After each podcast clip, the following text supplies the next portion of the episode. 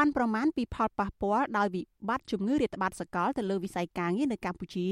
គឺអាចធ្វើឲ្យកម្មករនៅក្នុងវិស័យក្រៅប្រព័ន្ធប្រមាណ6លាននាក់បានបាត់បង់ការងារឬក៏បន្តបាត់បង់ការងារនៅពេលដែលជំងឺកាចសាហាវមួយនេះបន្តអូសបន្លាយ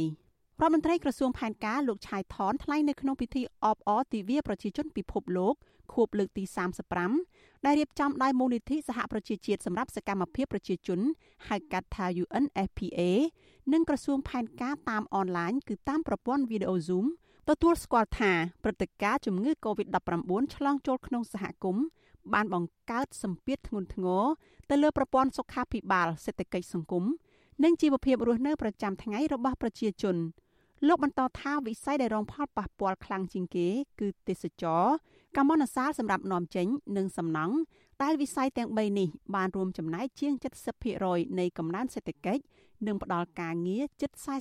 40%អាជីវកម្មពាក់ព័ន្ធនឹងវិស័យទេសចរជិត3000ត្រូវបានផ្អាកសកម្មភាពដែលបណ្ដាលឲ្យ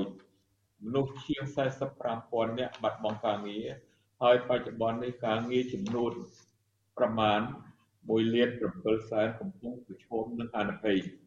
កម្មករដែលបម្រើការងារក្នុងវិស័យក្រៅប្រព័ន្ធ ត្រូវបានប៉ាន់ស្មានថាប្រមាណជិត6លានមួយនាក់បានបាត់បង់ការងារនិងប្រឈមនឹងការបាត់បង់ការងារលោកឆៃថនបញ្ជាក់ថារដ្ឋាភិបាលបានអនុវត្តគោលនយោបាយគាំពារសង្គមជួយសម្រួលការលំបាកនិងលើកកម្ពស់ជីវភាពរស់នៅរបស់ប្រជាជន ដែលមានជីវភាពក្រីក្រងាយរងគ្រោះពិសេសស្ត្រីនិងកុមារជំនួយទាំងនោះផ្ដល់តាមរយៈកម្មវិធីឧបត្ថម្ភសាច់ប្រាក់ទៅដល់កម្មការិនីស្ត្រីមានផ្ទៃពោះនិងគ្រួសារក្រីក្រ បង្កើនមូលនិធិតវិការសាច់ប្រាក់ពលកម្មទៅដល់កម្មករនិយោជិត ដែលបានព្យួរការងារនិងកម្មវិធីឧបត្ថម្ភសាច់ប្រាក់ទៅគ្រួសារក្រីក្រនិងងាយរងគ្រោះតកតោះនឹងការផ្ដល់ជំនួយដល់អ្នករងផលប៉ះពាល់ដោយសារតែវិបត្តិជំងឺ Covid-19 នេះប្រធានសមាគមប្រជាធិបតេយ្យឯករាជ្យនៃសេដ្ឋកិច្ចក្រៅប្រព័ន្ធលោកវ៉ុនពៅមានប្រសាសន៍ថាភាគច្រើននៃអ្នកធ្វើការងារនៅក្នុងវិស័យក្រៅប្រព័ន្ធជាអ្នកដែលមានជីវភាពក្រីក្ររួចស្រេចទៅហើយ លោកថាបាត់បង់មុខរបរនៅពេលនេះគឺបានបន្ថែមបន្ទុកឲ្យជីវភាពពួកគាត់កាន់តែលំបាកលោកវ៉ុនពៅបន្តថាសមាគមរបស់លោកមានសមាជិកជាង15000នាក់ភាគច្រើនកំពុងជួបការលំបាកនៅក្នុងជីវភាពប៉ុន្តែមិនទាន់ទទួលបានការឧបត្ថម្ភពីរដ្ឋាភិបាលនៅឡើយទេត្បិតពួកគេពុំមានឯកសារស្នាក់នៅត្រឹមត្រូវដែលអាចឲ្យអាជ្ញាធរមូលដ្ឋានទទួលស្គាល់ពួកគេថាជាគ្រួសារក្រីក្រនៅមូលដ្ឋានបានឡើយ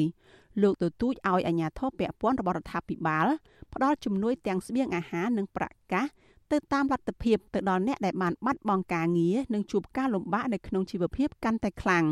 វិធីដែលអាចដោះស្រាយបានជំរុញឲ្យអាជ្ញាធរមូលដ្ឋានគឺត្រូវចោះឈ្មោះអ្នកដែលជួបប្រទះនៅវិបត្តិ COVID-19 ដែលខ្វះខាតហ្នឹងគឺតាមជាក់ស្ដែងមានន័យថាអ្នកជួលផ្ទះក៏ត្រូវបានកុំឲ្យតែជួយតើមានបានស្នាក់នៅតើមានឯកសារនៅតំបន់ប្រកាសហ្នឹងណា ហើយជួយក៏ក៏មិនត្រូវរើសអើងដែរបាទនេះគឺចំណុចសំខាន់ហើយចំណុចទី2គឺត្រូវសហការជាមួយអង្គការសង្គមស៊ីវិលជាតិដែរដោយពួកយើងខ្ញុំសមាគមសេដ្ឋកិច្ចក្រៅប្រព័ន្ធនេះយើងមានតួលេខចំនួនអ្នកធ្វើការក្រៅប្រព័ន្ធក្នុងដៃរាប់ម៉ឺនអ្នកហ្នឹងអញ្ចឹងអាចចុះតាមសមាគមក៏បានចំណុចទី3យកអាតួលេខចាស់ដែលបានចុះបញ្ជីអាបានមូលទីសមត្ថៈនៅបសសនឹងវាស្វង់យកអាគោលបញ្ជីចាំងហើយជួយគាត់ទៅវាជារឿងងាយងាយស្រួលគាត់ថាវាបើសិនជា មានចេតនាធ្វើឲ្យពិតប្រាកដវាមិនពិបាកទេលោកវ៉ុនពៅបន្តថាក្រុមការងាររបស់លោកត្រៀមសហការជាមួយនឹងអាជ្ញាធរក្នុងការផ្តល់ជំនួយទៅតាមស្ថានភាពជាក់ស្ដែងរបស់ពលរដ្ឋមិនថាតែសមាជិកសមាគមរបស់លោកឡើយដើម្បីធានាថាពុំមានពលរដ្ឋរងគ្រោះត្រូវរដ្ឋាភិបាលទុកចោលដោយមិនអើពើកន្លងទៅលោកថាអ្នកក្រីក្រដែលធ្វើការងារក្រៅប្រព័ន្ធបានទទួលជំនួយពីអង្គការសង្គមស៊ីវិលនិងសប្បុរសជននានាហើយពេលនេះ លោកកំពុងគៀងគរជំនួយបន្ថែមទៀតពីសប្បុរសជនដើម្បីបំពេញភាពខ្វះខាតរបស់អ្នកធ្វើការផ្នែកក្រៅប្រព័ន្ធនៅពេលដែលជំងឺ Covid-19 នៅតែបន្តអូសបន្លាយរបាយការណ៍របស់ក្រសួងសង្គមគិច្ចអតីតយុទ្ធជន និងយុវនីតិសម្បទាឲ្យដឹងថា